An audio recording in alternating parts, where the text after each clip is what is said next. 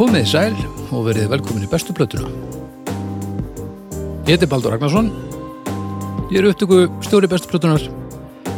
Ég var að klára að borða eitthvað þannig að ég er alltaf svona með eitthvað svona upp í mér svona eitthvað, ég var að veita eitthvað svona buff og það er svona allt svona ó, þannig að það er eiginlega erfitt að tala en það er alltaf lægið að ég hef lítið að segja Hjá mér eru tveir gestir annars vegar doktor Arnar Eggert doktor í tónlistafræðum frá e, var ekki eitthvað skóli í Edinborg Jú, það var hérna minnir hann hafi heitið The University of Edinburgh University of Edinburgh Já, Edinborgar háskóli sko ah, sniðt, Já, já, einfalt voru margar stofur Ég var í svona rángala húsi sko sem hérna svona eins og þessi mynd þarna þar sem allir veggir og, og hérna stigar er einhvern veginn á skakk og skjön og, og ganga allir á móti kólaðurum sko já, já, já, ok Þú veist, maður var að lappa um húsið og þú veist, opnaði og þá var maður komin inn í einhvern kústaðskáp sko já, og rataði ekki tilbaka sko já, ok, Reed House of Music hétt þetta. okay. Nei, fyrir ekki Reed School of Music er skólinn sem ég var í Allison House er hérna tónmentahúsið hvernig, en maður segir þetta ekki segir ekki eitthvað read mu- eitthvað read you some music Ég myndi segja The, the Reed School of Music read school of music Já, það var eitthvað, eitthvað svona sko Mac music Mac Music já, já, já sniðut gaman Já, að segja já, það já, já, alltaf Haukur, Já, hæ. já, blessaður uh, Haukur úr Garabæ Já, Úrskabat Garabæinga Já, já. um, hvernig er að hafa uh, hvernig var að alast upp í Garðabæ Það var bara tíðunda lítið, sko. já, Það var það, sko. ok En maður verður að alast upp einhver staðar og maður geti alast upp og verið staðin garðabæ, svo sem. er það, Já, já, já. ok Ég er til dæmis frekar vilja alast upp í garðabæ heldur en í Edinborg. Já, okkur Það fer nú- fer nú eftir tímum mannkynsuðuna kannski Já, ég bara, mér fannst fínt að vera í svona bara eh, einhverju litlu þorpi. Hanna. Kallmat, þú myndir passa svona visuált myndir þú passa betur inn í Edinborg heldur en Garðabæ Reyndar. Hm. Reyndar. Heyrðu, ég, það eru fréttir. Það eru skólands fréttir, strókar. en skotlandsfréttir Ég, eh, ég vann fullnaðar sigur á hérna uh, borgar yfirvöldum í borginni Döndi í Skotlandi Nú, í vikunni þar sem að stöðmælasekt sem ég fekk var látið niður falla Nei. áfríun mína ok, hvenær hreistu hana? fekk hana síðasta sumar Ok, hvað það var, er var hún hún, í hálft ára en að fá hana fælda hvað niður var hún há? 17.000 rúmar íslenskar Nó, og því ég borgaði stöðmælin sko.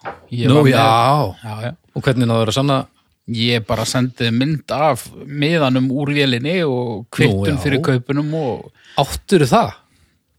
já, ég var með það en þá í veskinu sko Ok, en hérna uh, en ég gæti náttúrulega ekki sanna það að þetta hefði verið nægilega sýnilegt fyrir uh, bílastæða vörðin sko nei, nei en ú, það var búið að senda mig á milli stopnana endalaust og svona ég, ég var farin að halda að ég er bara handsamaður ef ég kem ekkert tíma aftur til Skotlands Já, En þetta er sem sagt, þetta mál, þessu máli er lokið með, með sigri. geggjað Ég, ég lagði skotana. Þú lagðir skotana mm. Já, já, það er, það er gott að þeirra Já. Það versta við þetta var það að stóð síðan, í tilkynningunni stóð do not reply to this email Þannig sem gast, mér fannst óþægilegt og því að mér langaði svo, já, heyrðu, bara takk hérlega og bara, góð helgi, eða hvað. Og þú veist, ég fæ bara þessa tilfinningu, nei, tilfinningu, tilkynningu og ég get bara ekkert tjáð mig um hana. nei Þannig að við getur ekki sendum hljóð uh, upptöku bara eitthvað ekki það heldur, eða ekki bara móttekið, eða neitt. Þú Já. veist, Þannig að, Veistu hvað ég myndi þá gera? hvað? Ég myndi halda áfram að senda ítökunarpósta Hvernig, er þetta- hvernig fer þetta? Hvernig er staðan?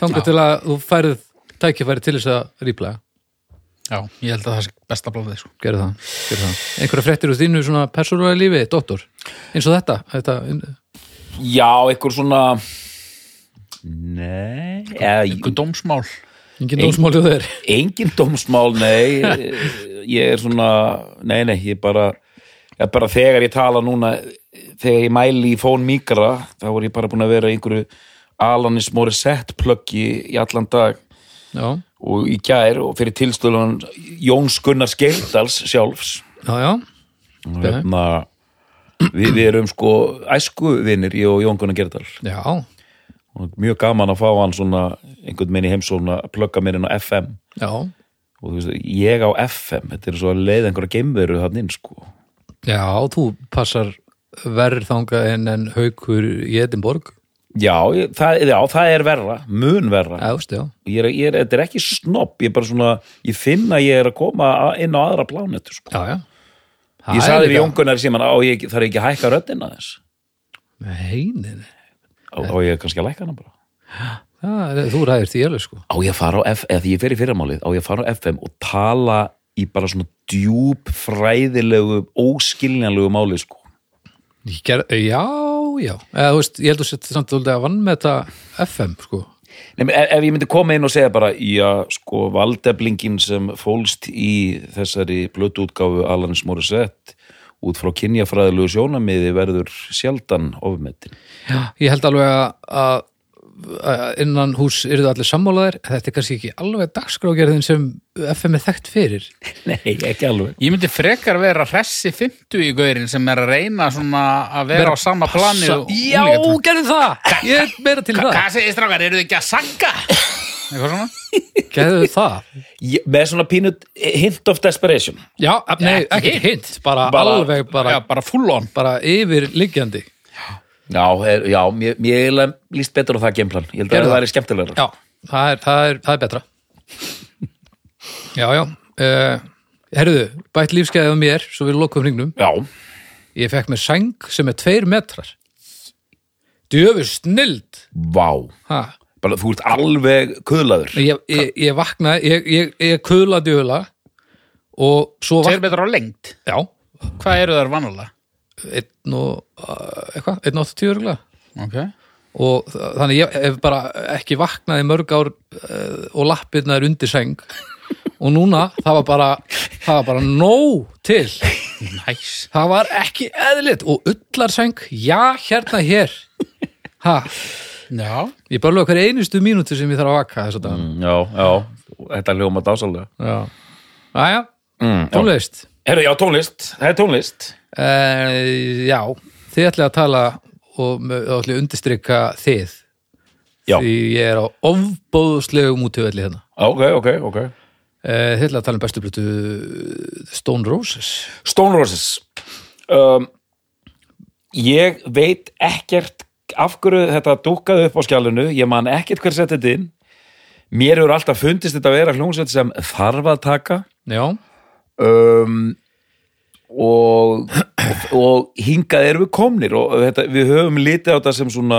stutt þátt allavega yfirferðarlega sé það, þetta er eh, Stone Roses gáðu tvær breyðskjúr nú, það var alltaf sumt það var alltaf stum Já, já, uh, slatta af EP-plötum en sagan er svakaleg skemmtileg já, og bara við getum sett þetta í alls konar samengi þú veist, menningarlegt samengi áhrif þeirra og svo framvegis hvor ykkur velur ég, ég er að velja Þú það velja ég er Þú að ert að velja velja og fólk sér það á, á bara þættinum að ég vel uh, frumburðsveitarinnar sem heitir bara The Stone Roses og hérna það, ég, það hefði verið helviti flippað eða ég hefði farið í, í hinna plötuna The Second Coming Ok, uh, hún, hún, Það er verið helviti flipa það hefur verið helviti flipa hún er, hérna, og við ætlum kannski aðeins að reyna að skakka leikin en hún hefur, hún hefur mjög illt orð á sér nú Já, hún er svona Pinkerton sem fekk ekki uppreist æru já, sem var eins og fólk talaði um Pinkerton at the time Já, já. mér finnst hún ekki léleg sko En, en Nei, en hún hefur aldrei Ald- nei, hún Aldrei hefur- Eh, verið tekinni sátt nei, í raunin ekki Það er Pinkerton, hefði Pinkerton verið tekinni sátt ef að það hefði ekki komið svona mikið rusl á eftir henni? ég veit það ekki Nei, maður spyr sig svona, sko, þessi plata Second Coming á mjög langt í land með að ná einhver svona almennilegri sko, uppreistæru sko. Ok, þú séu svona, svona eh, ein, ein, tvær, þrjár rattir svona að segja eitthvað en, en, en hérna þetta þótti þú veist, þetta er svona eins og Chinese Democracy sko. já, já, já, já Þetta er bara, en spáðið því samt sko hún kom fimm árum eftir frumburinn sko, sem þykir nú eiginlega bara ekkert tiltökumál í dag en ég, ég upplýði þessa tíma og það var heil eilíf að býða þessar blötu sko. á milli og ef þetta eru tvær þú veist, ef það kemur ein plata og svo fimm árum síðar kom hún önnur plata. ekki kom hún ekki 96 Nei, hún kom út 94 er það? Já. Ég er svona 99,9% En já, þetta var svona sko Þeir hættu 96 eins og ok, þetta er svona ég hef nú ekki heyrt marga tala um á hún sé ömuleg, en þetta er svona too little too late dæmi já, já, nána sko too much too late af því að já, þetta er svona svo vintersunnur að fara að gera núna þetta er svona á, allt, þetta er allt uh, sko, þegar ég hugsa um þessu blötu mér finnst þetta allt vera svona 8 mínútna lög með bara flanger gítarsólum sko. já, já, ég var þetta rétt að mér, flanger Æ, það Nei, þetta er svona wawa hefna sóló sko.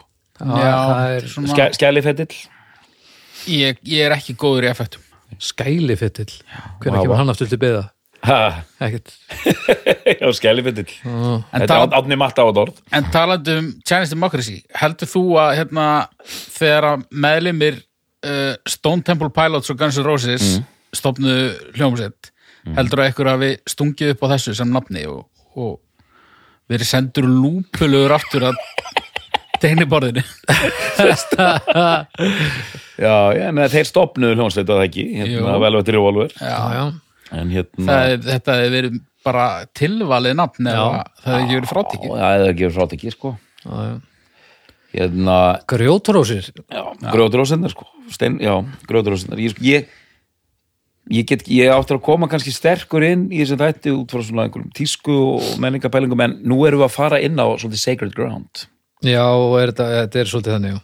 Ég er pingu lítið of ungur til að hafa náð að vera á bólakafi, skilur við. já, Ég ok, okay. að vera svona tveimur til þremur árum eldri en ég er, ég fætti 74, til að vera á bólakafi í þessu og, Ok. og, og þetta er einhvers konar hjartaþáttur sem þetta er ekki. ok En ég veit bara, og ég er svolítið kvíðinn fyrir að fara að tala um Stone Roses af því að menn eins og Þossi Mhm. og fleiri, Snorri Sturlu og, og bara allir þessir gaurar sem eru fættir svona 71, 72 eða kringu 70 Mhm. þetta er bara hin- hin- hið heilaga gral sko, já, já, í þessi tónlist. plata þessi plata já, og smá skifurnar í kring eru bara svona heilagt gral í þeirra huga sko. ok og já, já, ég veit ekki Heyrðu. hérna- Það er svolítið þannig. þá held ég að við þurfum bara að fara að hefja að leika já, ég, já, ég að íta bátnum og vör haukur en þú verður að hjálpa mér samt Já, já, ég get alveg eitthvað hjálpað þér sko. Ég er nú ekkert með söguna alveg á á 100% hlæru sko, en ég, ég óttast þetta verkefni ekki neitt, þannig að það er mjög auðvelt að tala vel um þessa plötu sko.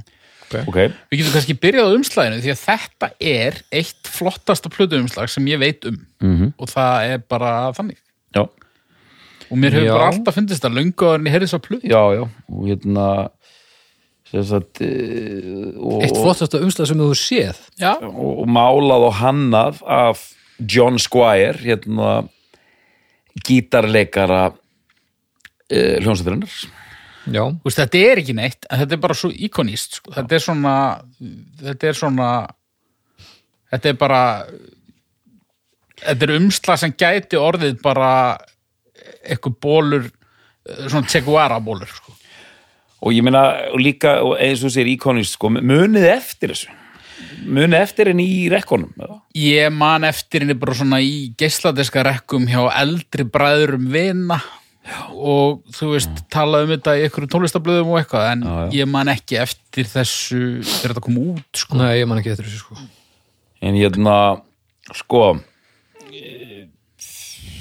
en svona í Britpopinu þegar maður var að lesa þú veist, NME og Q og eitthvað svona þú veist, þá þá var verið að hlaða undir þetta sko. þannig að löngu áður en ég heyrði í þessari hljómsett þá þekkti ég nafnið og, og, og uh, vissi að þetta þætti merkilegt ok, og hérna ok, ok ok, ok, og hérna eh, sko, þetta er Manchester, við erum í Manchester Já, og fyrir Baldur sem segist þér á miklum útivelli þá er kannski líka bara eh, þetta er oft svona talað um sem þetta er afi Britpopsins já, já, fullkomlega, Mhm. mjög ég, gott ég vissi þá tengingu og fullkomlega og hérna þetta er það stórt dæmi að ég veit af þessu en ég hef aldrei kynnt mér þetta Nei.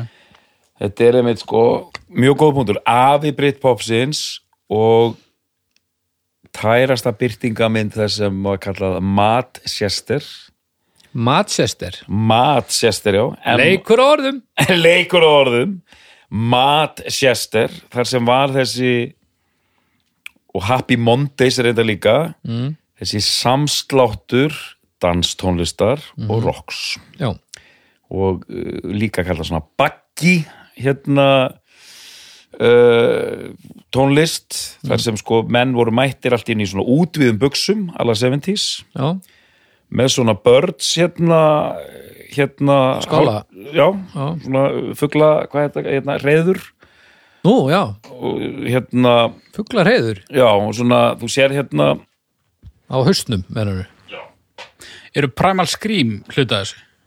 Eru þeir mannsistir band? Nei, þeir eru frá Glasgow og þeir, nei, þeir fara ekki inn í, inn í þetta sko þeir voru meira bara straight nýbylgjuband fyrir, en þeir er mitt gott við The Times Einmitt. Skrýma Delika er einhvern veginn bara viðbröð við þessu sko Já, mér finnst þeirra hljóðheimur einhvern veginn mér er þess að aðeins nær Happy Mondays heldur Já. en mér finnst þetta og Happy Mondays mér finnst, þú segir tærasta byrtingamind mér finnst það eiginlega ekki alveg sko Nei, það er eiginlega ekki eins og ég skil hugtakið út af því að út af því að þessi plata sem er svona leikilplatan það er ekki mikið það er ekki mikið danseri á henni Nei, ég ég verði eiginlega að vera sammála sko þetta er eiginlega meira rock það var eitt lag sem kom á eftir sem heitir Fool's Gold sem er svona straight hérna, já, dans rock dansirokk dansirokk, já. dansirokk er það sem við kvöldum að Happy Mondays voru miklu meira bara svona straight emitt dansirokk. Skrýma Delika er hérna Ég- dansirokk, ég er að já, fíla þetta er þetta. ekki gott Dansirokk. Þetta þetta- þetta er skemmtilegt orð. já, já, bara þetta, er- þetta rúlar Og það, er, sko, eh, men Skrýma Delika var hérna það var miklu- það var meira dansi-dansi, sko, heldur en rock, sko. já. Áköflum. já mist hún mist hún og full skóld, ég sé alveg hérna, það er alveg svona sistra dæmi sko en, Ertu komin eiginlega bara í einhvers konar teknó, sko. en ef við tölum um bara svona alla áferð og, og framsetningu þá finnst mér þetta passa alveg inn í þetta Manchester dót eins og ég skil það sko en, en platan sem slík tónlistalega finnst mér kannski aðeins svo straight rock Ég, þetta er eiginlega nýbylgjurokk, sko. Þetta er nýbylgjurokk, sko. Já. og hefna já, þetta er bara svona nýbylgjurokk sko. og hefna en líka eitt sem þarf að, fara, þarf að koma fram 1989 og þetta er líka partur af þegar þessi baggi hérna uh, hlutir koma fram þegar að fá sér ár að það ta- tala um sko The Second Summer of Love hafið mm. heyrt þetta auðvitað Já. Nei. það er sem sagt það er svo niðurdrepandi konsept samt bara þú, þú bara með hérna eh, eitthvað mamma sendur pappa svo útstokk og blóm í hári og svo second summer of love og þá ertu bara einhverju vöru skemmu í Manchester eitthvað á öllum eitulífunum og það er svona en tengingin er þessi, þetta gerist í Manchester uh, snýst í kringum klúb sem heitir The Hacienda sem er, var í eigu Joy Division og New Order meðlima já, og þar byrjar þetta sko, eitthvað sem var jafn óhugsandi og country og rock á sínum tíma þá ætla að menna að fara að blanda saman rocki og, og hérna teknói Því þetta voru svona tvö svona factions uh, Eh, og því, því er einhvern veginn hrært saman útviða buksur og hérna svona tie-dye, svona þetta er mjög hippist svona psychedelist og mikið að eitulefjum og þetta er eitt ár, 88 til 89 cirka, þar sem þessi bylgja og sérna er þetta blöðin bara að skrifa þetta upp. Eh, Íslensku Stone Roses í þessu samingi væru Bubbleflies já, já, sem var, voru að gera mjög svipaða hluti sko, í rauninni Ég- þú veist, það sem svona íslenskir raftólanstamenn og rockarar hérna slóðu saman í band sko. Mhm. Já, og svo, svo einhvern veginn upp úr þessu er það ekki að einhver leiti, þú veist, reifmenningin er mjög tengd þessu já, já, og, og ég menna á Íslandi, þú veist, við erum að tala um, þú veist, Bubbleflies voru á Uxa með öllum reifböndunum, Já, já. þetta er einhvern veginn, þetta er svona sama krát en kannski tvær mismöndi stefnur sem að að ég veit ekki, en hérna og, og, og, og síðan hérna eh, sko Stone Roses og Happy Mondays og Primal Scream eh, og- þetta er allt bönd sem eru með hennan rockrun Mhm. en fara síðan til dæmis í, á, á fullt í það að láta remixa þetta alveg á miljón sko þetta er klúpa músík sko já, já, já. til einhver svona dansrýmix af öllum þessu lögum það hendin líka öðru bandi svo ég verð ekki skotin á færi hérna Inspiral Carpets þannig gröti þeim In Spiral Carpet já, This is how it feels to be lonely já, ég held í alvörunni að, Að ég þetta var að væri grínast. mómentið þar sem hann væri bara að reyna á okkur Noel, Tjal- hérna- Noel Gallagher var rótari fyrir Inspiral Carpets aðeins þekktar hann okay. er hérna Charlatans -hmm. og hérna þetta er þetta, 88, 89, 90 er þetta að gerast þeir félagar, sko þetta er Manchester band og Manchester er rosalega tónlistaborg Smiths og hérna Joy Division og Oasis og allt þetta John Squire og Ian Brown Ian Brown söngvari og John Squire gítarleikari byrja að spila saman 80 sko, 1980 Já, vá í einhverju pömpandi sko ok, og síðan er, ég ætla ekki að fara að þylja þetta upp, það eru hinnir og þessir tilkallaðir og þessi kemur í bandið og hinn fer í bandið og þessi fer út úr bandinu og hinn fer í, í hitt bandið og það er verið bara uh, að reyna sig við þá stíla sem í gangi voru -hmm. og það, það tekur nánast allan áratugin sko. það er ekki fyrir en svona 87 sem svona almennlega mynd fer að komast á bandið Mm, já, ok og hefna og þá eru þeir fjórir sem svona eru í The Imperial Face eru Rennie trommuleikari ok, sem er algjörlega frábær trommari með alveg magnaðan stíl og syngur líka bakratir síðan er það hann hérna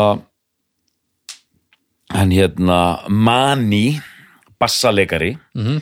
mikill karakter og hérna átti eftir að fara í hérna Primal Scream síðan eftir hérna Stónursa sætu John Squire gítarleikari hérna hérna snoppufríður og, og hérna svona tilbaka náungi og ok síðan er það frontmaðurinn og mikill frontmaður, Ian Brown söngvari Stone Roses, Vitlisingurinn vitleysingurinn þannig að þetta er komið, um- þetta er bítlýst það er komið þarna fjórir gaurar fjórir gaurar lats hérna uh, og eru með þetta þú veist, Oasis hefði þetta aldrei geta orðið til eða það var ekki fyrir Stone Roses sko.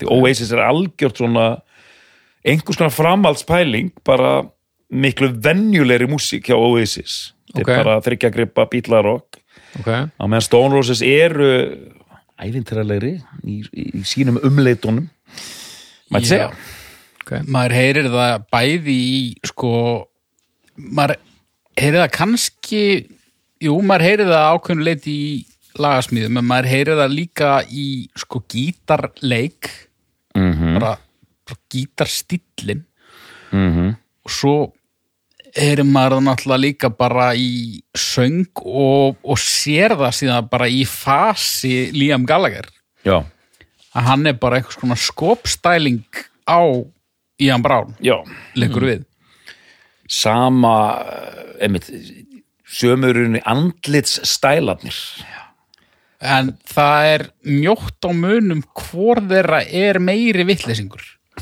erum við, Ian Brown eða Liam Gallagher erum við að tala um, er þetta sama tegundavillisengi já, á hvernig leiti sko ok, uh, Ian Brown er meiri svona eh, uh, hann er meiri svona listamaður myndi ég segja Þú veist, hann, hann kerði frekar successful solo-feril eftir so Stone Roses Já. og gerði margt ágætt sko á meðan að svona það sem Liam hefur verið að gera eh, það hefur virkað á mig sem svona já ok, það vantar hinn helmingin já, já, en já, vissulega hefur það dót alveg náð einhverju flugi í, á Bredlandsegum já. en jú, þe þeir eru að mörguleiti svipaðir sko En þetta uh, þetta band átt, það var ekkert þeirra blör Nei, er það?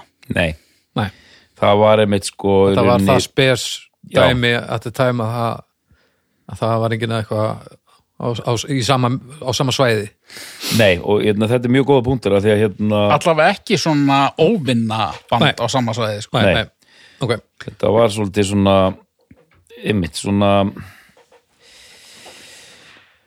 Uh, þetta, þeir voru einmitt, það er ekki hægt að tefla neina fram gegn þeim af því þetta er, þetta er það er mikil tímamót og hérna Já. og þetta er svona sjónvarps tímamót þeir koma hérna fram í sjónvarpi 88 og með lagið hérna hérna spila lagið hérna Waterfall alveg dásalegt lag og það var bara eitthvað svona moment krakkarnir sem Já, voru að já, horfa á þetta já. bara wow þú Ef þú, ef þú hefur verið þessum árum eldri þá er þú og verið á réttum stað þá hefur þú fengið þetta högg ég hef bara fengið þetta högg hérna og farið beint út í búð og kaupa mér hérna útviða buksur og hérna byrja að DJ-a og hérna Já, já. þetta er svona tímamóti í lífi og, og þetta ótrúlega bress kljónsveit Það sko. hefur verið, gott- það hefur verið gott fyrir FM viðtali já, en svona er þetta sko já og hérna og svona ég ætla, ég ætla, ég ætla, ég ætla að beita, beita nýri aðferðafræði, ég ætla bara að hraða þessu sko, hérna er ég með mjög sjálfgjafa plötu hérna, Bíddu. Sally Cinnamon Býttu að vera að slá um sig Það er verið að slá um sig sko. Þetta er hérna kemur út á einhverju svona litlu merki 12 tóma frá Stone Roses frá 87 áður en allt byrjar Ok, Já, og er þetta þarna- rarity? Já, ég held að þetta sé tí- mér minnir þetta að verið þúsund eindögg pressuð sko. Býttu, býttu, býttu, Já, hvað já. fengjur fyrir þetta? Ég þarf að fletta þessu upp sko. En- engar, engar, engar tíu þúsunda sko. Já, Ok, en sko þetta lag hérna, þekkjum lagið Já, Já, þe- þarna er, þetta er daldið komið þarna sko, að einhverju leiti já, Þetta er- algjörlega Þetta er svona indie, englaratta, birds, hérna, rafmagna birds, hérna, indie flip eitthvað sko. ok Þetta fyrsta sem þeir gerðu þarna með eh, Martin Hannett, heitir hann það ekki? Jú, þarna So Young. Já, eh, þar heyrir maður að þetta er ekki alveg komið Nei, einmitt, Þa, það er, Það er alveg fínt sko, en, en, en þeir eru ekki alveg farnir að vera sjálfum sér líkir nei. En einmitt þarna þá heyrir maður að þetta er, eh, þeir eru að sigla þessi land sko Nú komin eitthvað svona, mér gengur svolítið erfiðlega skilgræðan, þetta er einhvers konar nýbylgju pop, rock, það er smá Jesus Mary Chain í gangi, en þetta er meira svona, þú veist, þe- þeir rock ekki mjög hart, þetta er meira svona melodíur og svona klingjandi gítarar sko. Mm. Þetta er meira væp sko.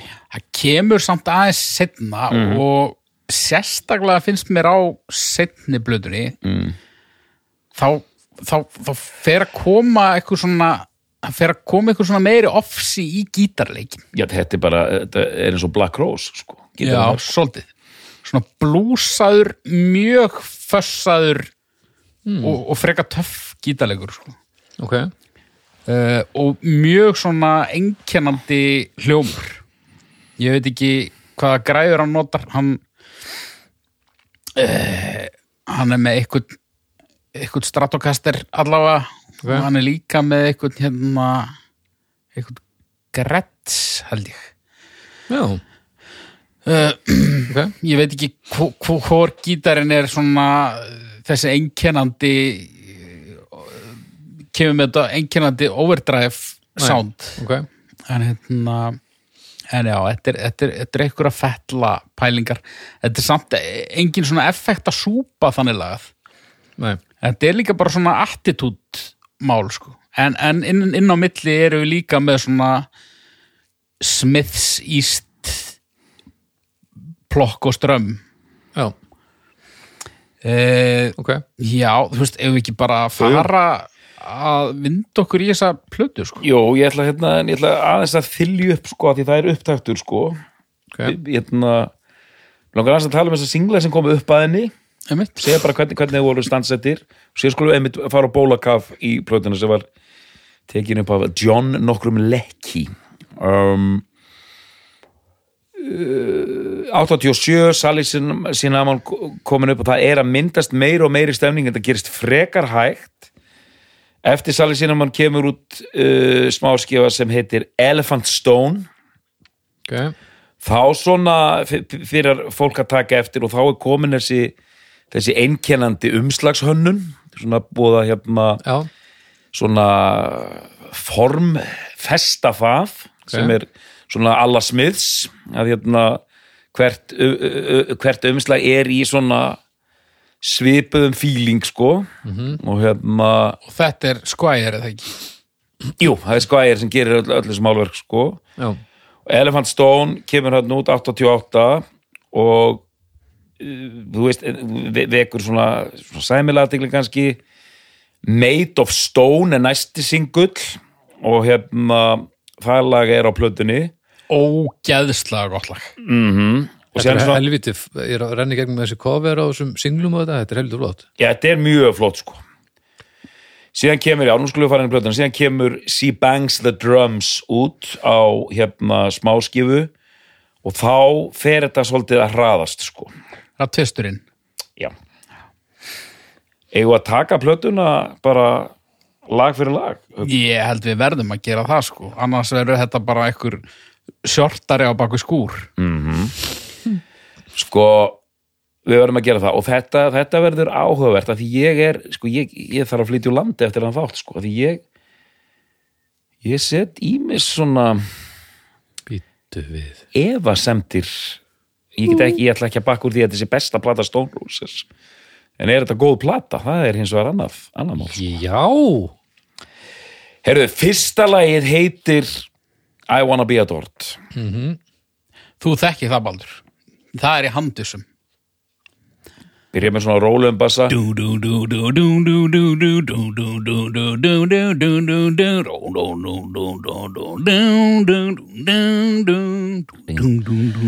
don't have to Mm. sell my soul.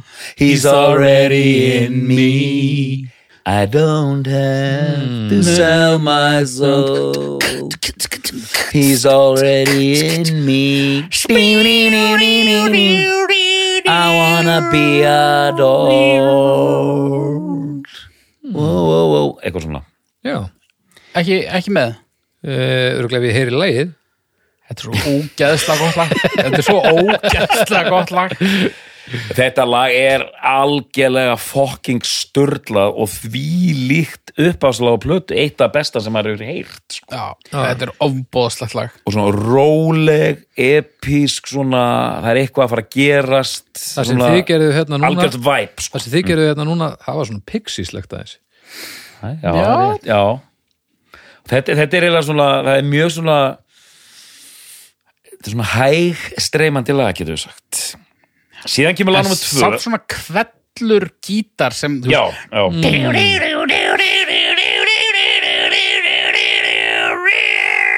Já, já, já, já, já, já full... fullkomlega já, já, og bara svona langt hægt og, en samt einhvern veginn ekki pirrandi langt og pirrandi hægt bara svona mút ok, hérna lag nummer tvö sem kom líka út á smáskifu heitir She Bangs the Drums hérna þú veit ekkert sérstaklega hrifin að því haukur eða hvað jú, jú, jú. já, ok. en einskott bara það verður að koma núna annars kemur já, það ekki já, á einhverjum tímanpunkt í lí- lífið þínu þá helstu að lagi héti I wanna be a dog er það ekki? she, Það- bangs, she Bangs the Drums Nei, I wanna be a dog já, I, I wanna be your dog I wanna be a dog nei, nei, ég, nei, nei, ég náði því ekki Já, ok. Það eru eiginlega allir sem ég þekki sem að hafa á einhvern tífumpunkti haldið að hann væri að syngja það. I wanna be a dog Já. en þetta er líka- þetta er svo ótrúlega textin er svo ek- ekko- ekotískur og ég er svo flott í endan að segja I wanna be adored, I wanna be adored og séðan kemur I gotta be adored Já. og bara svona Mm. Sea Bangs the Drums, mér finnst það flott og svona hnittið flott nýbylgjurokk sko. Já, þú ert Og örugglega- melodíst. Þú ert örugglega að vísa til þess að ég kallaði það auðlalag Já, en mér finnst- mér finnst það frábært lag en bara, Auðalag mér finnst það bara mér finnst bara placementið á því og plötunni er svolítið skrítið út af því að það er búið að byggja upp þetta trillta töff mút En byrju, hvað er með annað dæmi um auðalag? Hvað annað lag er auðalag? bara svona það er bara svona ég ætla ekki að segja þessi jolly er þetta bara ofsmellið í, í að koma á eftir þessu fyrsta leið? mér finnst það svolítið sko Ok, en þ- þetta er hérna, þú veist la, la, la, la, la, la, la, la la, la, la, la, la, la, la Já, já. la, la, na, na, na, na, na na, na, na, na, na og svo kemur ykkur svona tambúrina bla, la, la, la þetta er eiginlega bara, þú veist, þetta geti verið bara þetta, þetta er eins og bara svona ég veit ekki eins og hvað þetta er þetta geti verið svona eins og eitthvað af þessum böndum sem ég var að tala um í, í börnstættinum svona, svona early 90s bandarist alternative Mhm, svona jungle pop eitthvað, en spáði líka einu sem ég var, ég var að fletta þessu upp að eða hérna- frábært lag að ég sagði þeir eru byrjað hann 80 þeir eru pínu þegar þessi plata kemur út, þeir eru pínu að komast á síðasta séns, þeir eru 25 ára sko, já, þeir, þetta er ekkert kornungir menn lengur Nei, nei. sko Það er- það eru farnar að þrána aðeins sko. aðeins farin þeir að þrána sko þetta er svona last dance sko okay. herðu, dregu til tíðenda trefndu tíðan, það kemur lag nummer þrjú mm. það lag heitir Waterfall mm Mhm. lag já, geggjaður gítarinn í þessu lagi algjörlega bara, hann leiðir þetta alveg í byrjun Dún, dín, dín, dín, dín, dín, dín, dín, dín, dín, dín, dín, og svona mjög melodísku Ah, la, söngur la, la, la, la, la, la, la, la.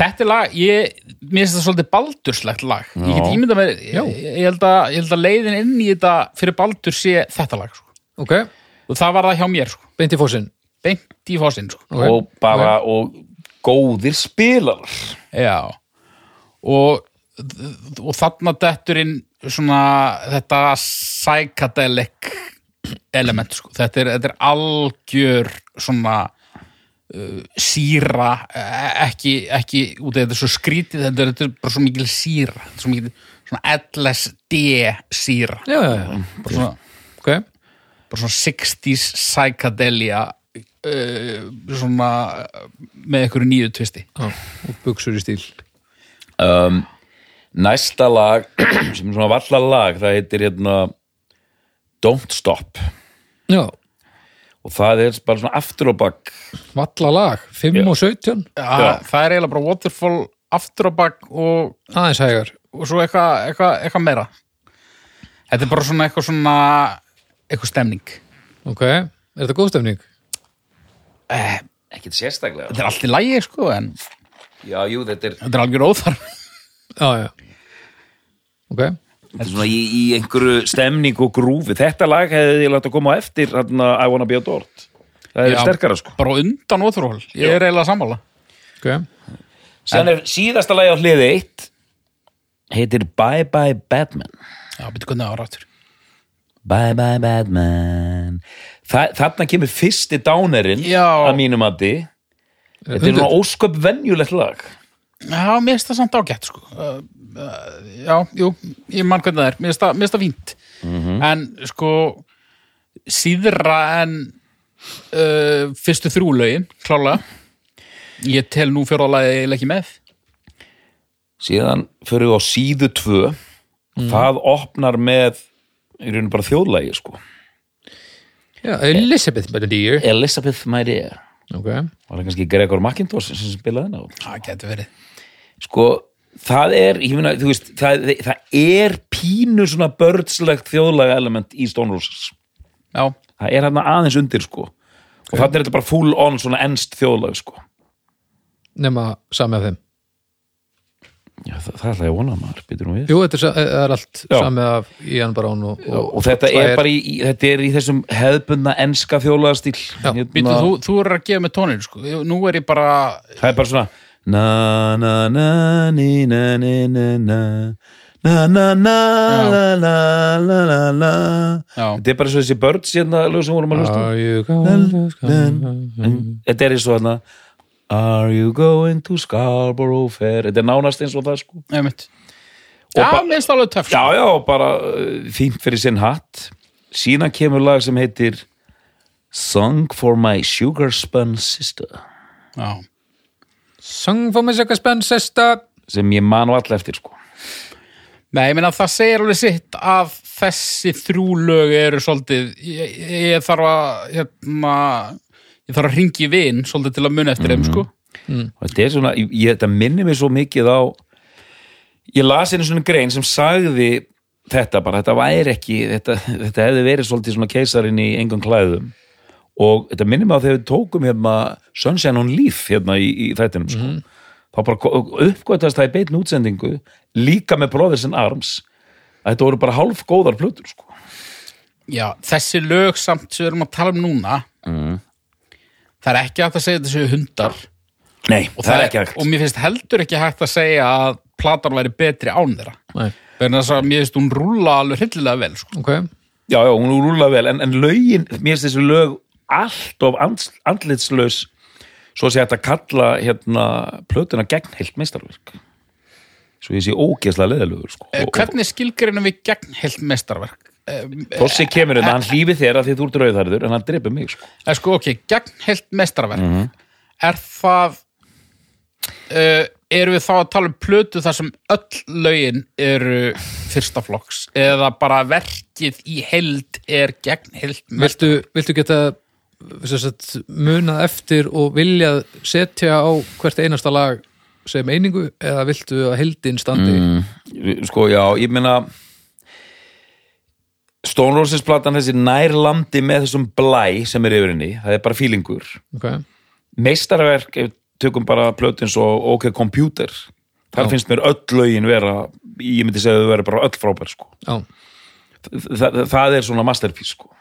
hérna ég er samt sammála að þetta séu ekki hundar en mér finnst þetta bara aðeins of hérna mið, við erum búin að fá þrjú þarna sturgluð lög og síðan koma þrjú sko allt, mér finnst, mér finnst þetta vera oflagt þættið er annað ef að ef að lögunum eru ræða öðruvis upp þannig að mm. út að þetta er svolítið svona niðurtúr sko, ste stemningsniðurtúr Já. Mögulega, mér finnst líka svolítið synd að þegar hljómsveitir eru í gangi eins og Smiths og svona það er fullt af sterkum lögum sem fóru bara á bjelheðar á einhverjum smáskjum sko. já, já, það kom út saplata sem heitir Turned, uh, Turn into Stone þar eru lög sem hefur verið nátt að fara hérna frekar sko. eins og hérna uppáðslegið mitt hérna uh, hérna Where Angels Play Já. það er bara masterpiece sko, sem hefði eiginlega þurft að vera þarna sko. Já. En þetta eru góða kenningar, hérna, raðinni upp öðruvísi Ég veit það ekki Já, en, en þú veist, jú, ég er sammála það eru lög á þessar saflötu, þú veist, svona bjelliðar og frístafðandi dót sem að hefði alveg passað inn á þessar plötu Munið eftir að það var mikill samkvæminsleikur í bestu plötunni að hérna endurraða Number of the Beast hmm. Hmm. Menn voru sko hrista hausin yfir því að platan byrjaði á Invaders það er fáránlegt ég var ekki í þættinum, en það er fáránlegt og hérna menn voru að segja sko platan myndi virka miklu betur ef hún hefði byrjað á bjöliðinni sko já, byrja bara á Number of the Beast Já. str- beint í Rönd of the Hills og þú veist að það var hægt að snúin einhvern veginn sko en þá hefði þetta verið hefði, nei, það, já, það hefði alveg virkað helviti vel, já, já, ég, ég man ekki hvernig þetta endaði en sko það- að byrja á Invaders er einmitt aldrei, ég er enda að fíla Invaders ótrúlega vel sko en, en, en þetta er svolítið skrítið en svo byrjir einhvers staðar bara að baka til í einhver skúl sko Mm. Heru, off the track hérna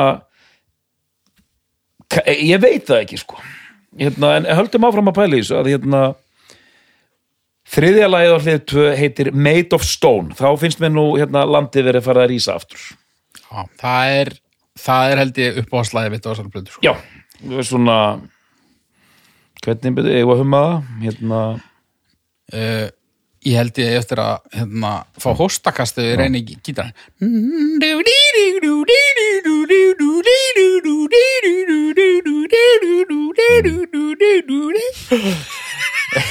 já, þetta er svona,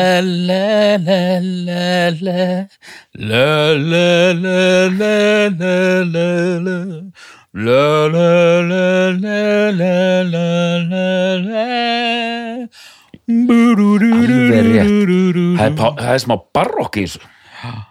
og svo bara hérna dillidúr Mm. í, í hérna viðlæðinu Sometimes I Já, þetta er la, la, la, When you're better man than only When you're better man than only La la la la la La la la la la Geðvægt lag Geggjalag.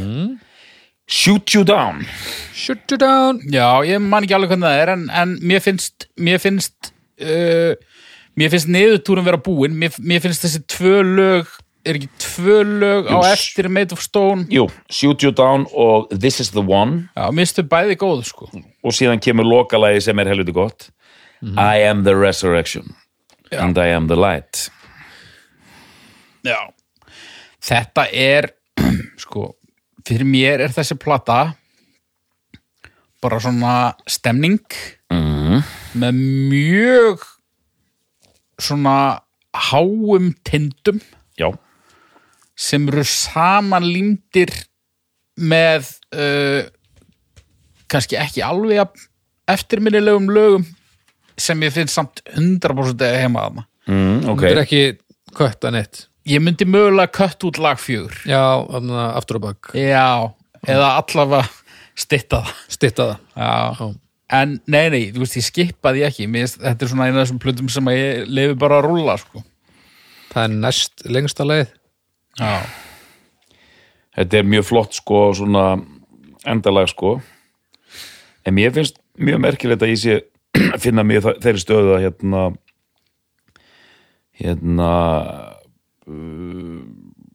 uh, gæti svona tekið þessa plötu almennlega núna og ég, ég verð að standa við það sem ég er að segja mér finnst þetta mjög undarlegt að ég kalla þetta þessa plötu eitthvað tímamótaverk og að hún sé eitthvað geggjuð sko ég skil samt fullkomlega hvað þú ert að segja og aðalega hún nær bara einhverju stemningu sem er í gangi á þessum tíma sko Núna ætla ég bara og ég ætla ekki að sprengja á mér hausinn hérna eins og, eins og síðast sko. Ég Ok ætla aðeins hérna að rifja upp lögin sem ég myndi ekki sko.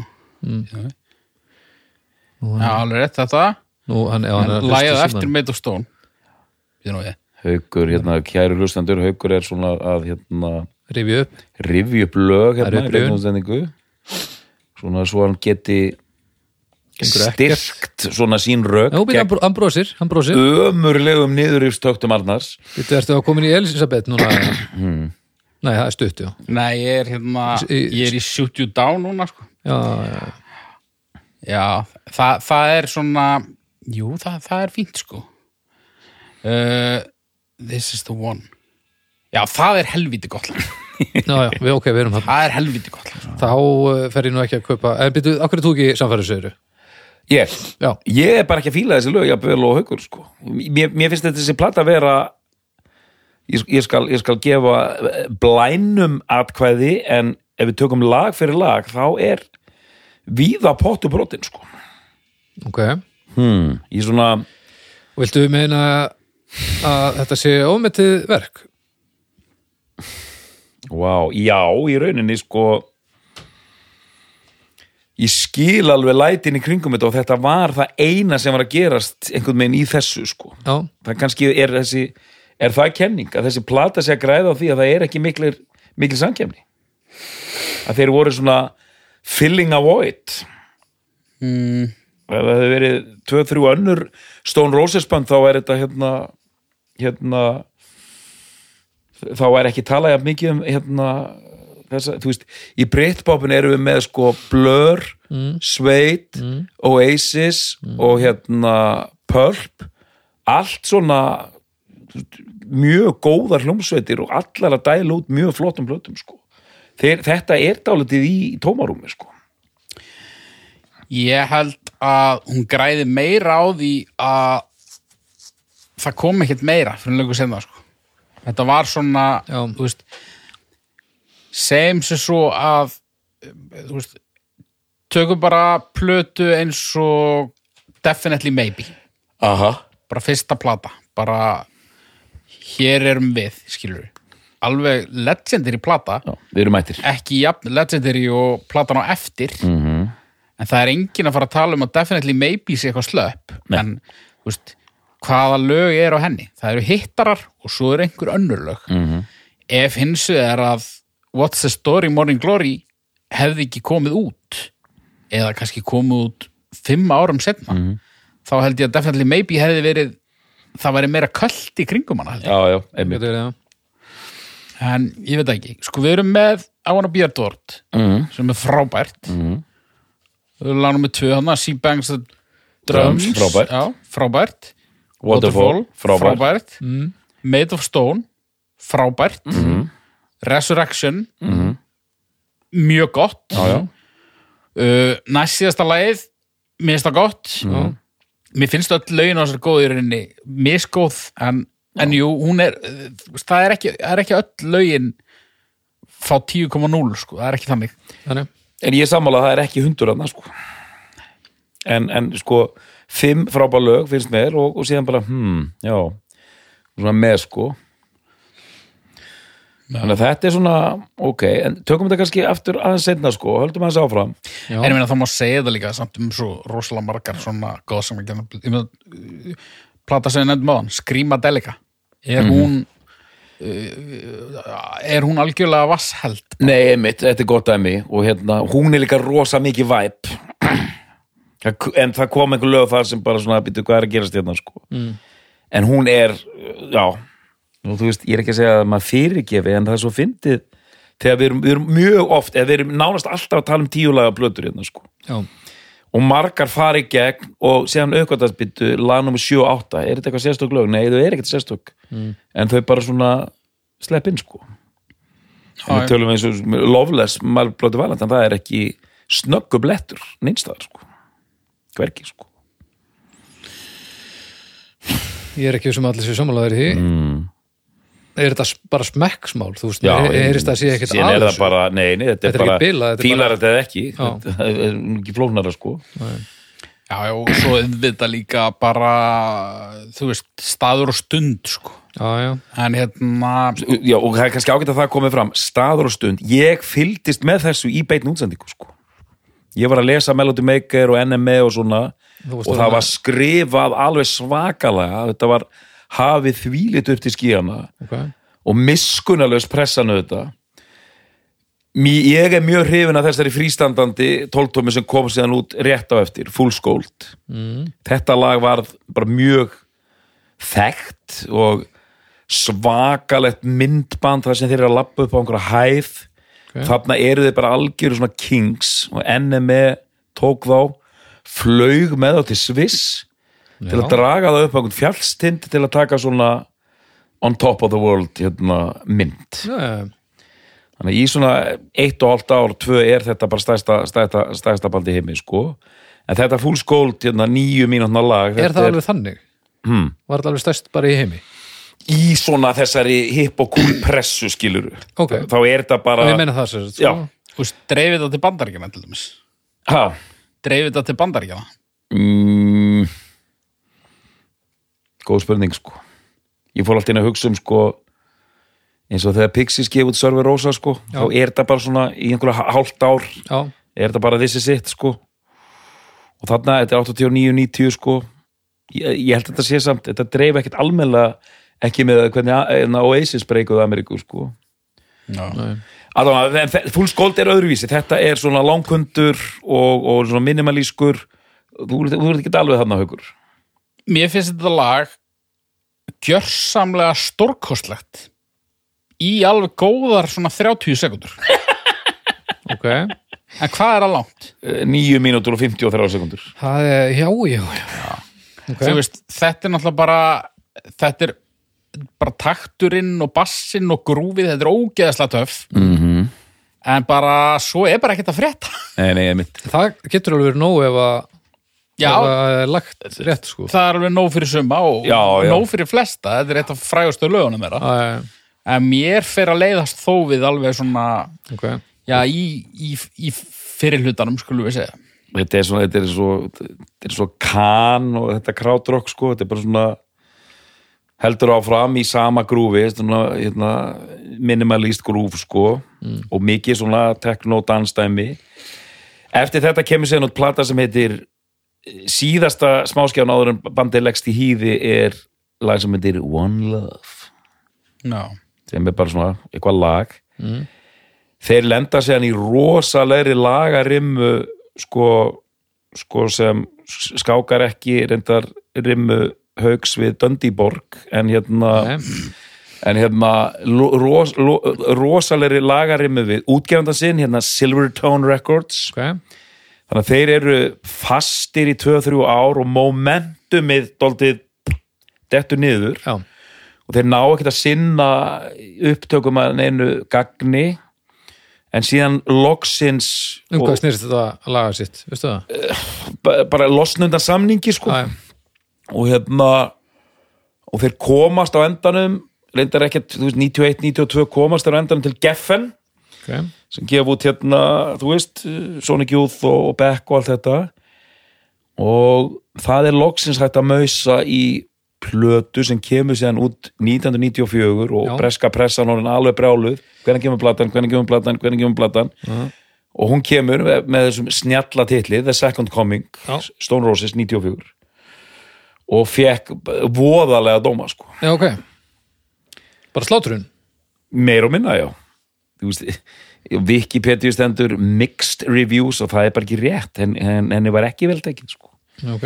en þú, þú ert nú með ykkur að móla handa okkur haukur Eh, þannig séð ekki sko ég hérna ég hafði aldrei gefið henni neitt sérstaklega gaum fyrir undirbúning þessa þáttar ég bara, hún hafði einfallega það slæmt orð á sér mm. þó voru þarna nokkur lög sem að ég kannaðist við þegar ég var að renninni og mér finnst þetta ekki lélega plata en hún er fyrir það fyrsta allt, allt og löng hún er ekkur rúmur klukkutími, minni mig og hérna Klukkutími. já, hérna ekki 78 mínútur og 38 það er, það sekundur. er óþarfi Þetta er voðalegt sko Já, já, það er úþarri. Uh, er kött, voðalegt. kötta helmingi burtu Já, og ef ég fengi að velja þann helming solid. solid bara Já, ekkert kannski endilega dundur ferst eins og fyrirblatan nei. en mér finnst alveg bara margir ágæti sprettir á þessar blutu þannig að Þetta þannig er orðnir þá færtugir. Nei, þrítugir segja. Já, þrítugur sko. Já, Solid er þetta að tala um uh, ef ef hún verið köttu niður um helming Solid sterk sjö já, eitthvað svoleiðis mér finnst alveg mér finnst alveg fínir sprettir hann hérna, og, og kannski hef mest gaman að gítarspilnu hann er svona aðeins farin að leifa sér meira í í svona einhverjum grotta þar þannig lag, eh, ég held að sé lag með 2 og 3 Driving South heitir það Já. ekki og svona hálfgett söður ykkar rokk á köplum Já, dræmið það, sáð, jú. það finnst mér skemmtilegt lag Ok, og svo þarna frægasta lag þessari plötu, hvað heitir það? Love Spreads Love Spreads, það til dæmis sem er frábært lag og sko hérna en það kannski hefði ekkert alveg passað á plötuna undan en, Nei, alls ekki sko hérna en, en ég sko og lögin sem eru ekkert spes eru samt ekkert hræðileg sko. þetta er bara svona, eins og ég sagði það bara uh, aðeins og lítið og aðeins og sent sko. og svona love spreads ég er í svona geggjum svona, já, hippa, black rose gýr, sko, þetta er ekkit ósvipa því sem Primal Scream voru að gefa út að, um, svipa leiti, hérna, Jailbird og hérna, Rocks Off já, emmitt I'm yours, you're mine. Get about it on jailbird time. I'm yours, you're mine. Yeah, yeah, það yeah. er samt, það er samt meiri sko, mist, meiri rassafíla af því sko. já, já, þetta er, mist þetta meira cool já, meira indie, sko já, og sé- eiginlega, uppáhaldslæði mynd á plötinu er hérna 10 Story Love Song já, sem er svona mesta indie-lægi, sko minnir mest á gamla tíma Já, ég man ekki hvernig það er, en ég man að mér varst það fínt. Mhm. það er svona Ten story love song la na na na na na na na na eitthvað svona, Já. svona meira svona eh, ind- indie melodi já. En mér finnst ekki endilega eins og þegar ég hlusta á þessa plötu finnst mér eins og þeir hafi trú á verkefninu mm. þetta er ekki svona að við verðum að gera eitthvað Já, skilurðu. ok, gerðu bara einhver gítasólu mér finnst alveg það er eitthvað svona andið þarna ok, Mm. ok, en bara eh, kannski bara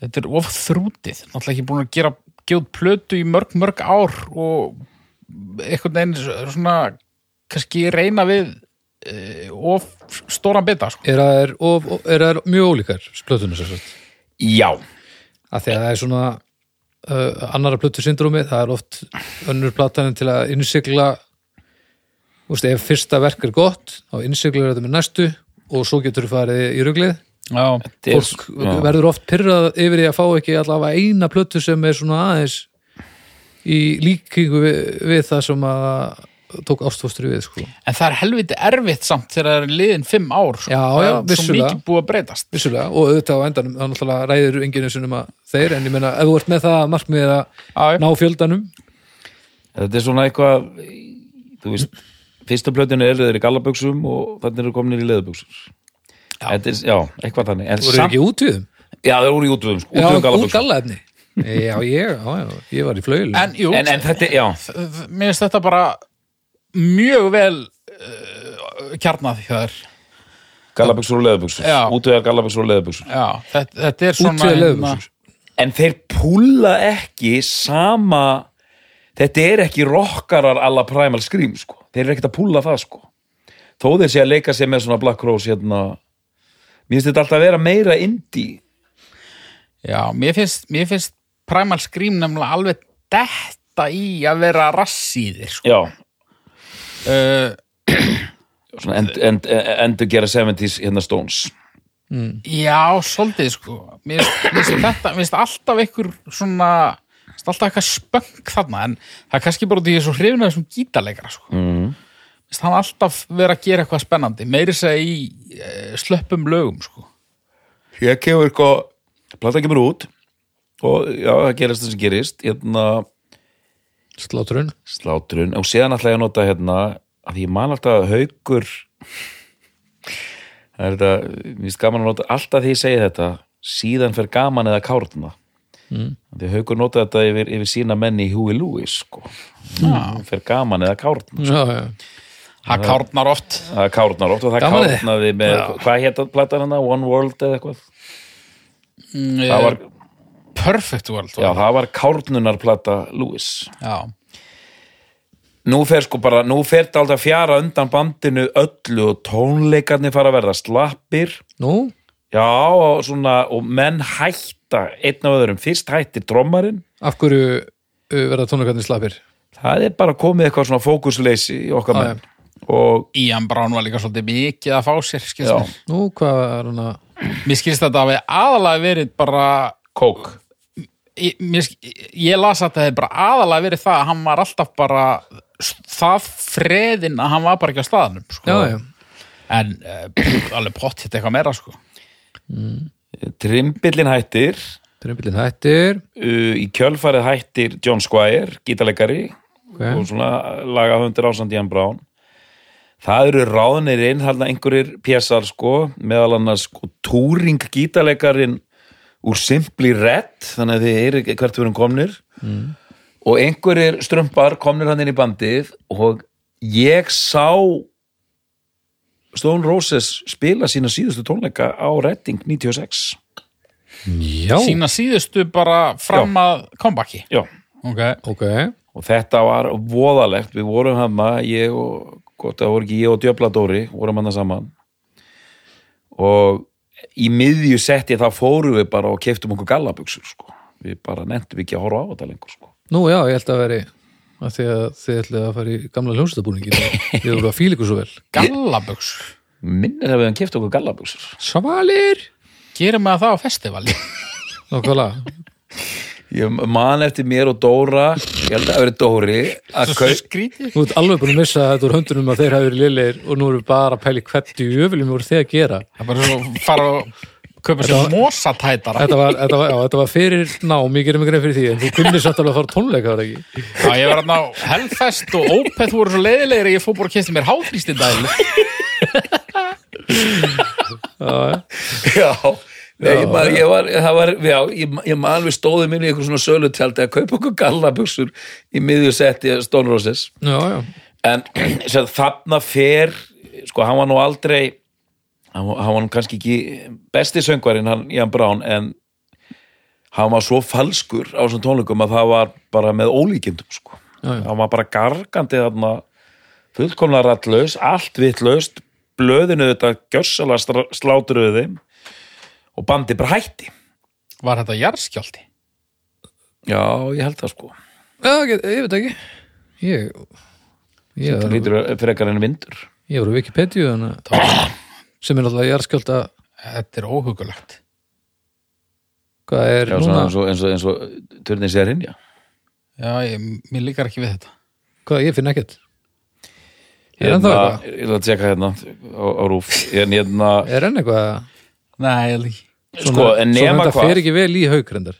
ja, nei, við þurfum, við þurfum að leita á okkur grunn hérna sko þannig, þannig fórum sjóferð þá og, og þeir bara hætta eftir rettingtónleikana, Já, bara hætta og átti þetta sem sagt ekki að vera síðasta gig.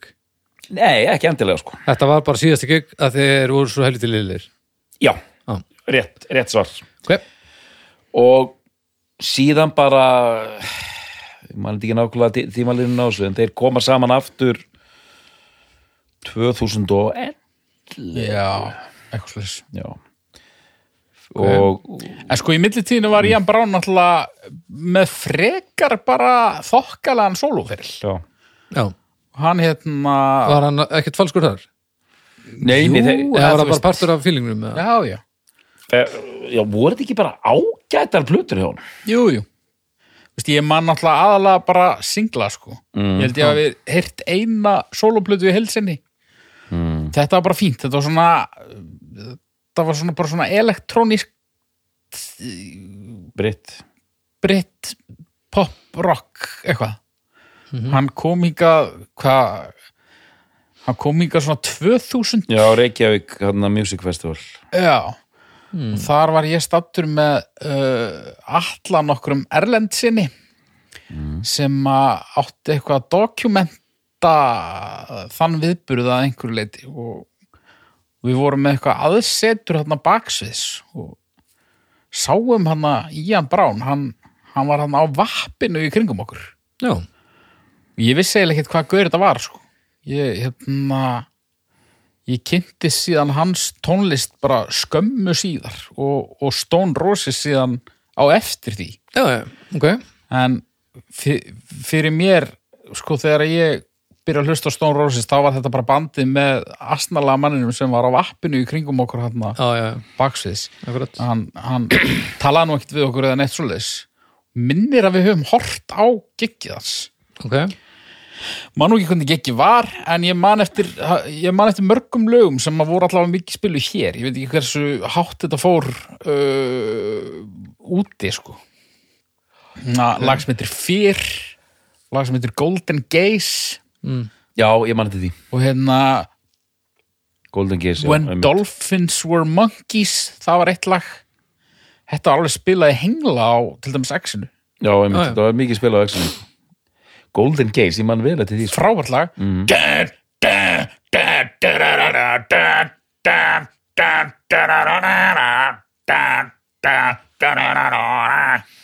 og hann eitthvað letilur yfir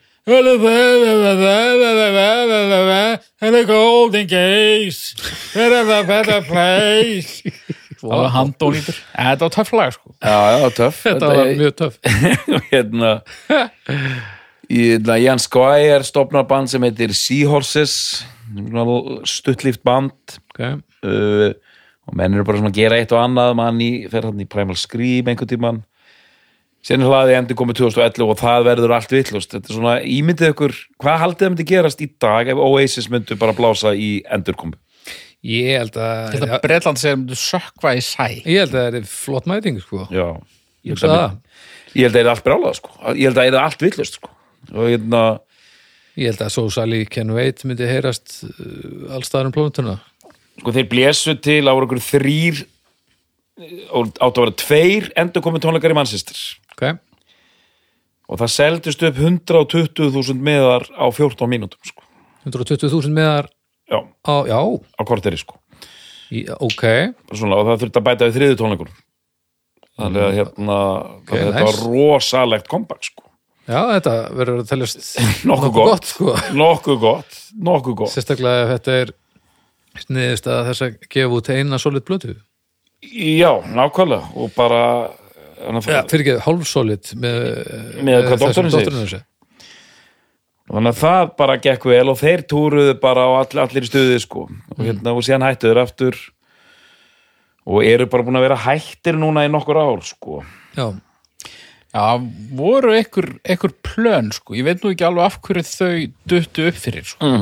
ok Það var eitthvað jafnvel verið að tala um eitthvað nýtt efni og eitthvað, en svo var það ekkert úr því.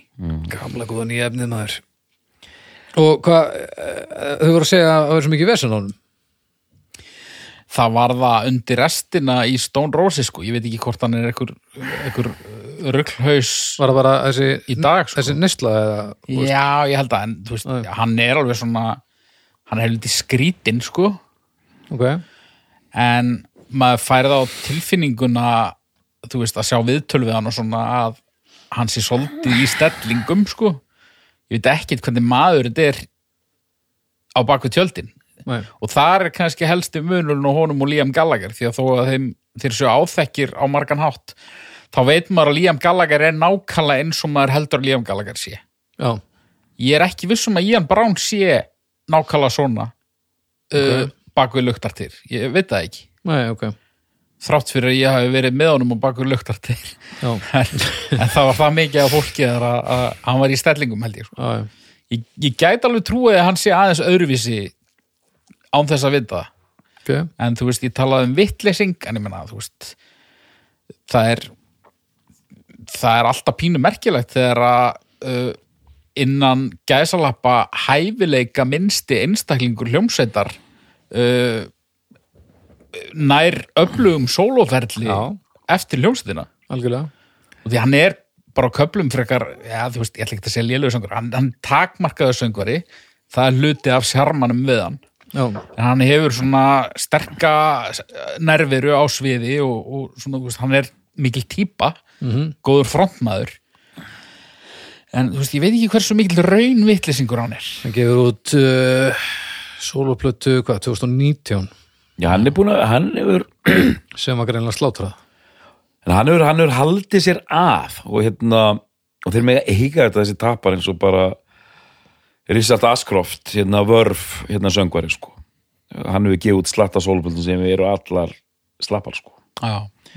en vörf er eitt, eitt band sem var undir miklum áhrifum frá Stone Roses Já. Já, og, og, og kannski sterkustu áhrifin þú veist, af öllum Britpop söngurunum, þá finnst mér sko hann uh, hérna, Ashcroft og, og Liam já, líkastir Ian Brown sko já, já og Liam það er þetta sko það er þetta letilega hann í rauninni hann er með sömu sviðsstælana í rauninni og Ian Brown sko Já.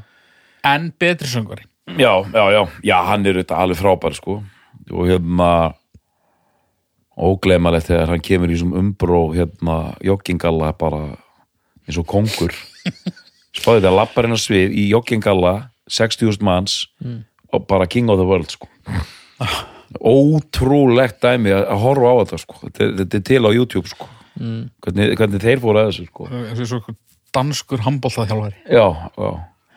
en þetta er sko mér finnst oft sko svo merkilegt smá hérna kenning í hérna án ábyrðar að við erum með hérna Joy Division og New Order bönd með bara stóra ferla þó að Joy Division hafi verið skamlíf þá er áhrifin ótrúleg mm. síðan erum við með Smiths gott og vel uh, og síðan erum við með Oasis en þú veist Stone Roses er svona mjög áhrifaríkt band en miklu stuttlífara miðað við allt hitt sko þetta kemur bara í einhver svona pocket 89 þegar það er pínu sko, Smiths eru hættir það er eitthvað svona millibils ástand sko. Já eru, eru of snammiði fyrir brettbópið mm Mhm. -hmm. en kannski of sent á ferðinni fyrir Smiths Já, lækin sko. En eru þeir, er þetta starfandi band í dag? Stone Roses Nei, Nei, þess að hafa Ok. ekki verið síðan 2017 eða eitthvað sko. Ok. En það get, get þetta bara aftur í gangu eða? Já, þeir eru að pott þetta eftir að taka eitthvað risa Glastonbury gegn 2029 og fara svo aftur í hýði sko. og þetta er, svo, þú veist, það er eitthvað þannig dæmi þeir hætta því þetta eru svona, þeir hætta og þessi fúll út í þennan og þessi þól ekki þennan en það virðist aldrei vera, Þetta er þannig, já.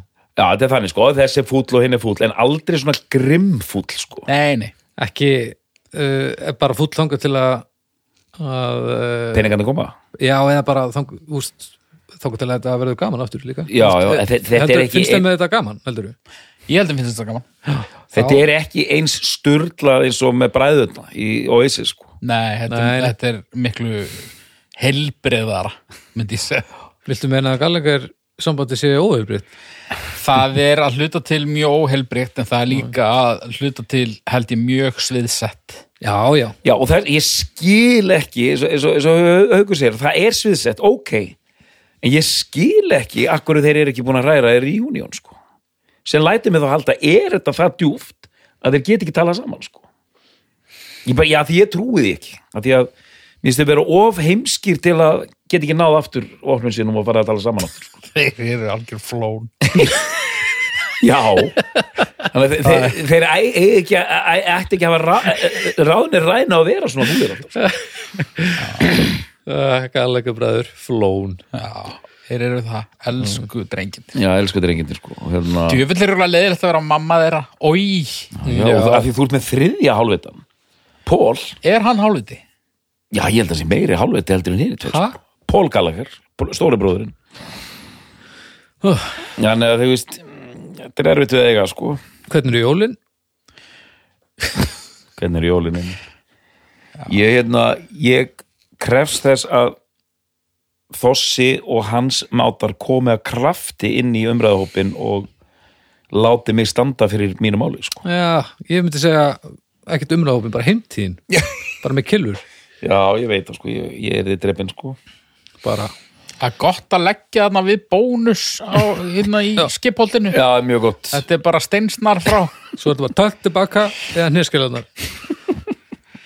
Nei, ég meina eh, þú bara raukstuður máliðt bara ljómandi vel ég get ekki sagt að ég sé alveg sammálaðir en ég skil hvert þú ert að fara Og mér, eh, fyrir mér sem ekkert veit að hljómar þetta eins og þetta sé ekki bilað, þetta hendi þér bara ekki.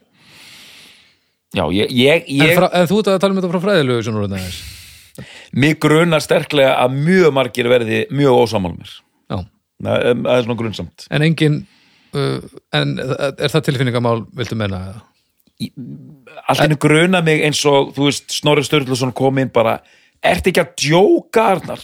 Shoot you down eða bara sturglað lag Ertu hálfviti, sko Ég er svona, ég gæti alveg áttu vona á það, það, þannig viðbröð Ég vona að hann takki þetta orðurétt og setja hérna umræða hópin. Ég vona að koma eitthvað svona brjálaðislega yfirleðislegt komment um það að þú bara verður að hlusta betur Já, það, það væri gott. það, Já, ég vil það, ég vil fá það Hvað Þú bara, fegstu, Arnar, þú bara hlustaði bara ekki nóg vel á blöð fegstu dúskin í sko, brefa skóla? Já, já, og þetta, ég vil fá það líka þetta, betur, já, og þú og, og, og þú stillið það fram sem einhverjum doktor í músík, sko, veist ekki neitt sko, og skil, veist ekki neitt og skilur ekki neitt, sko, ég vil fá líka svona Ég hef, persónlegt, ég hef skitið kúk sem veit meir um músík en þú. Mm. Svo, þetta, við erum líka að fara þessa leið, sko. já, við viljum fá við viljum, við Ma, viljum fá fyrir greind. utan að maður segir náttúrulega ekki ég hef skitið kúk af því það er stór undarlegt að segja það bara getur ekki verið að mig ekki segja það ég vil fá þrá sem er svona blanda af svona what the fuck, svona stuttu og síðan svona löngum rítgerðum, þessi menn eru að dæsa, sko það væri skemmtilegt, það væri allavega eh, þetta verður stöðu, sko eða allir þeir sem eru ósáttur við doktorinn í þessu þetti er, er ennþá hægt að póka á Facebooku eða? er pókið að nengstu þetta, Sko, ég held að þú sért ég held að þú sért í góðum málum, sko Nirvana pistillin, þá fegstu ykkur unglinga upp á móti þér og unglingar eru náttúrulega hörmulegir uh, reyðstakis masín þátturinn þá er svona kannski aðeins eldri hópur en samt nægilega ungur til að það var þú varst svolítið skammaður sko. en nú ert að styggja menn á 60 aldri sem eru bara einfallega of latir til að nenn að vera að standa í einhverjum leðið ah, þeir lesi þetta bara og bara já, já, æ Ég held að þetta vann með það nostalgíu sem elsniti sko. ef við getum, ef við getum beisla nostalgíu sem elsniti á bíla til dæmis þú þurfti ekki að hlaða oft sko. En e, e, myndur þú segja að fungar okkur kalli á harðari viðbröð en e, eitthvað indi? e, þungar okkar eru náttúrulega svo mjög grenjuskjöður sko. þannig að já, En það er alltaf verið að tala um bara, að þungar okkar, þetta er svo gott fólk eitthvað, já, já, það má vel vera eh, þungar okkar eru ágættir, en þeir eru líka fokking grenjuskjöður en indíliði það er meira svona það er hrókafyllra, myndi ég segja En Við, við höfum ekkert verið að tala mikið um myndi í þessu þáttum. Já, það er Nei, ég er ekki að tala um nú, ég, ég, Ég bara hugsa upp á allt hérna. í ég, einu. ég var alls ekki að tala um hó- grúppuna sko. Indi fólki er með þykkan skráp sko. ég er að tala um bara Indi fólki er í þykri peysu sko, Já. segja, sem er erfitt að námi fyrir Já, þeir eru bara í svona svörtum bólum, þungar okkur. þú færð bara eitthvað svona yfirlætisfullar pillur og bara ræður hvort þú tekur slægin eða ekki sko.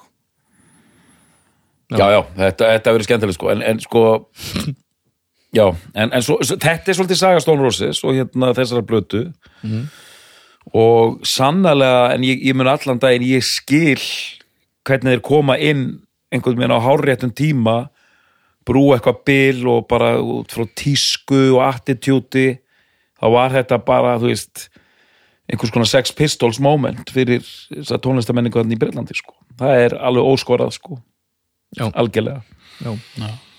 mér heyrist á þér að þér finnist þeir jafnvel vera efnilegir svona eins og eins og að næsta sem ég geri gæti þá gæti þetta hitt alveg í mark Já, næsta plata sem kemur út eftir svona eitt til tvö ár gæti orðið helviti góð sko. En þe- Þetta er lofandi, þetta er mjög lofandi plata sko. Bjartast á vonin Þetta er bjartast á honin Það verður- það verður gaman að heyra Ég segi, strákar, takið ykkur bara tíma vinniði næstu plötu vel og heimurinn er ykkar Mjög gott Eh, Þannig að já, uppgjör eigum við að fá, fá smá uppgjör bara Jú, jú. bara eldsnögt og að þetta hafi vissulega Já. verið Þetta var mikið eh, uppgjör haukur Já um, Ég er aðeins í ákveðar en doktorinn Það kom mér á óvart samt þegar að þið fóru að þylja blaðatitla Ég gæti ekki kallað uh, nokkur lög hérna fram Alveg bara góðan þriðjunga eða eitthvað En það breytir því ekki að þegar ég hlusta á þessu plötu þá, þú veist, ég, ég þekki hvern krók og kema á þessar plötu þegar ég er að hlusta á hana. Mm. En það segir samt einhverja sögu að það séu lögana sem að eru kannski nógu lítið eftirminnileg til þess að, að ég get ekki kallað þau fram hérna í, í, í þessum þætti skilin og en mig grunar bara að það eða mig grunar ekkert, ég held bara að það sé ljóst að það fer meira í töðunar og doktornum heldur um mér ég, ég, leið, ég, ég, er meira, ég, ég leifinni meira að slæta sko, okay. því að mér finnst topparnir bara það öflugir Já. mér finnst svona bara heldarsvipurinn það sterkur og, og mér finnst hún bara hún bara eh, rennur eins og ferskur lækur sko. þannig að já besta platan klárlega uh, mig langar líka að þess að taka upp hanskan fyrir þess að setja í plötu hún er ekkert hún er alls ekkert frábær hún er solid 5,5 plata en það eru lög á henni sem við finnst algjörlega frábær um, og þegar það eru lög á plötum sem eru algjörlega frábær þá finnst mér ekki alveg hægt að að tala svona illum þar sko. uh, og þá er ég ekki að tala um hvernig doktorinn talar um hana heldur eins, bara hvernig allir tala um þessa plötu Já, já. hún hérna gefur menni smá en uh, já, þetta er skemmtilegt ég fylgdist ekki með þessu í raun tíma ég kynnist þessu upp úr aldamótum og, og er þá að hlusta í fyrst skipti á plötu sem ég hafði séð plötukofverið á þúsund sinnum og vissi að ætti að vera algjör snild og þannig endar oft það endur oft þannig að manni finnst það að vera drastl en, en hún stóðst það próf sem ég finnst uh, gefa til kynna ákveðin styrkleika Næs Doktor, Já, sko ég ætlaði að reyna að vera jákvæðari en, en það tókst ekki og hérna og ég er búin að lýsa því yfir hvað, hvað svona, þetta hafi verið ákveðin tíma á móta plata, fyllt upp í ákveð gat og mikil áhrif að plata og það allt, gott og vel en hérna ég enda einhvern veginn á þessari stöð að svona meta plötinu svona sem bara mér finnst aðteklisvert, ég átti ekki alveg vona á þessu en ég get ekki meira ég meina svona blasir platan bara við mér ég get ekki meira ég get ekki meira ég get ekki betur, svona blasir þessi plata við mér en hérna en þú veist, ég er ekkert sko, held, ég er ekkert að fyrst og sveja sko, ég bara svona er svona að velta þessu fyrir mér hvernig hún náði þessari rosalega sterku stöðu sinni ekki betri en þetta að mínu mati og það eru þetta bara út af þessum heildarblæ og þessu væpi og bara stemningunni sem var í kringum hana það er svolítið bara skýringin Takk fyrir mig hérna stendur þú ennþá við það sem þú sagðir í bílnum á leiðinu að allir sem dyrki þessar plötu séu fíbl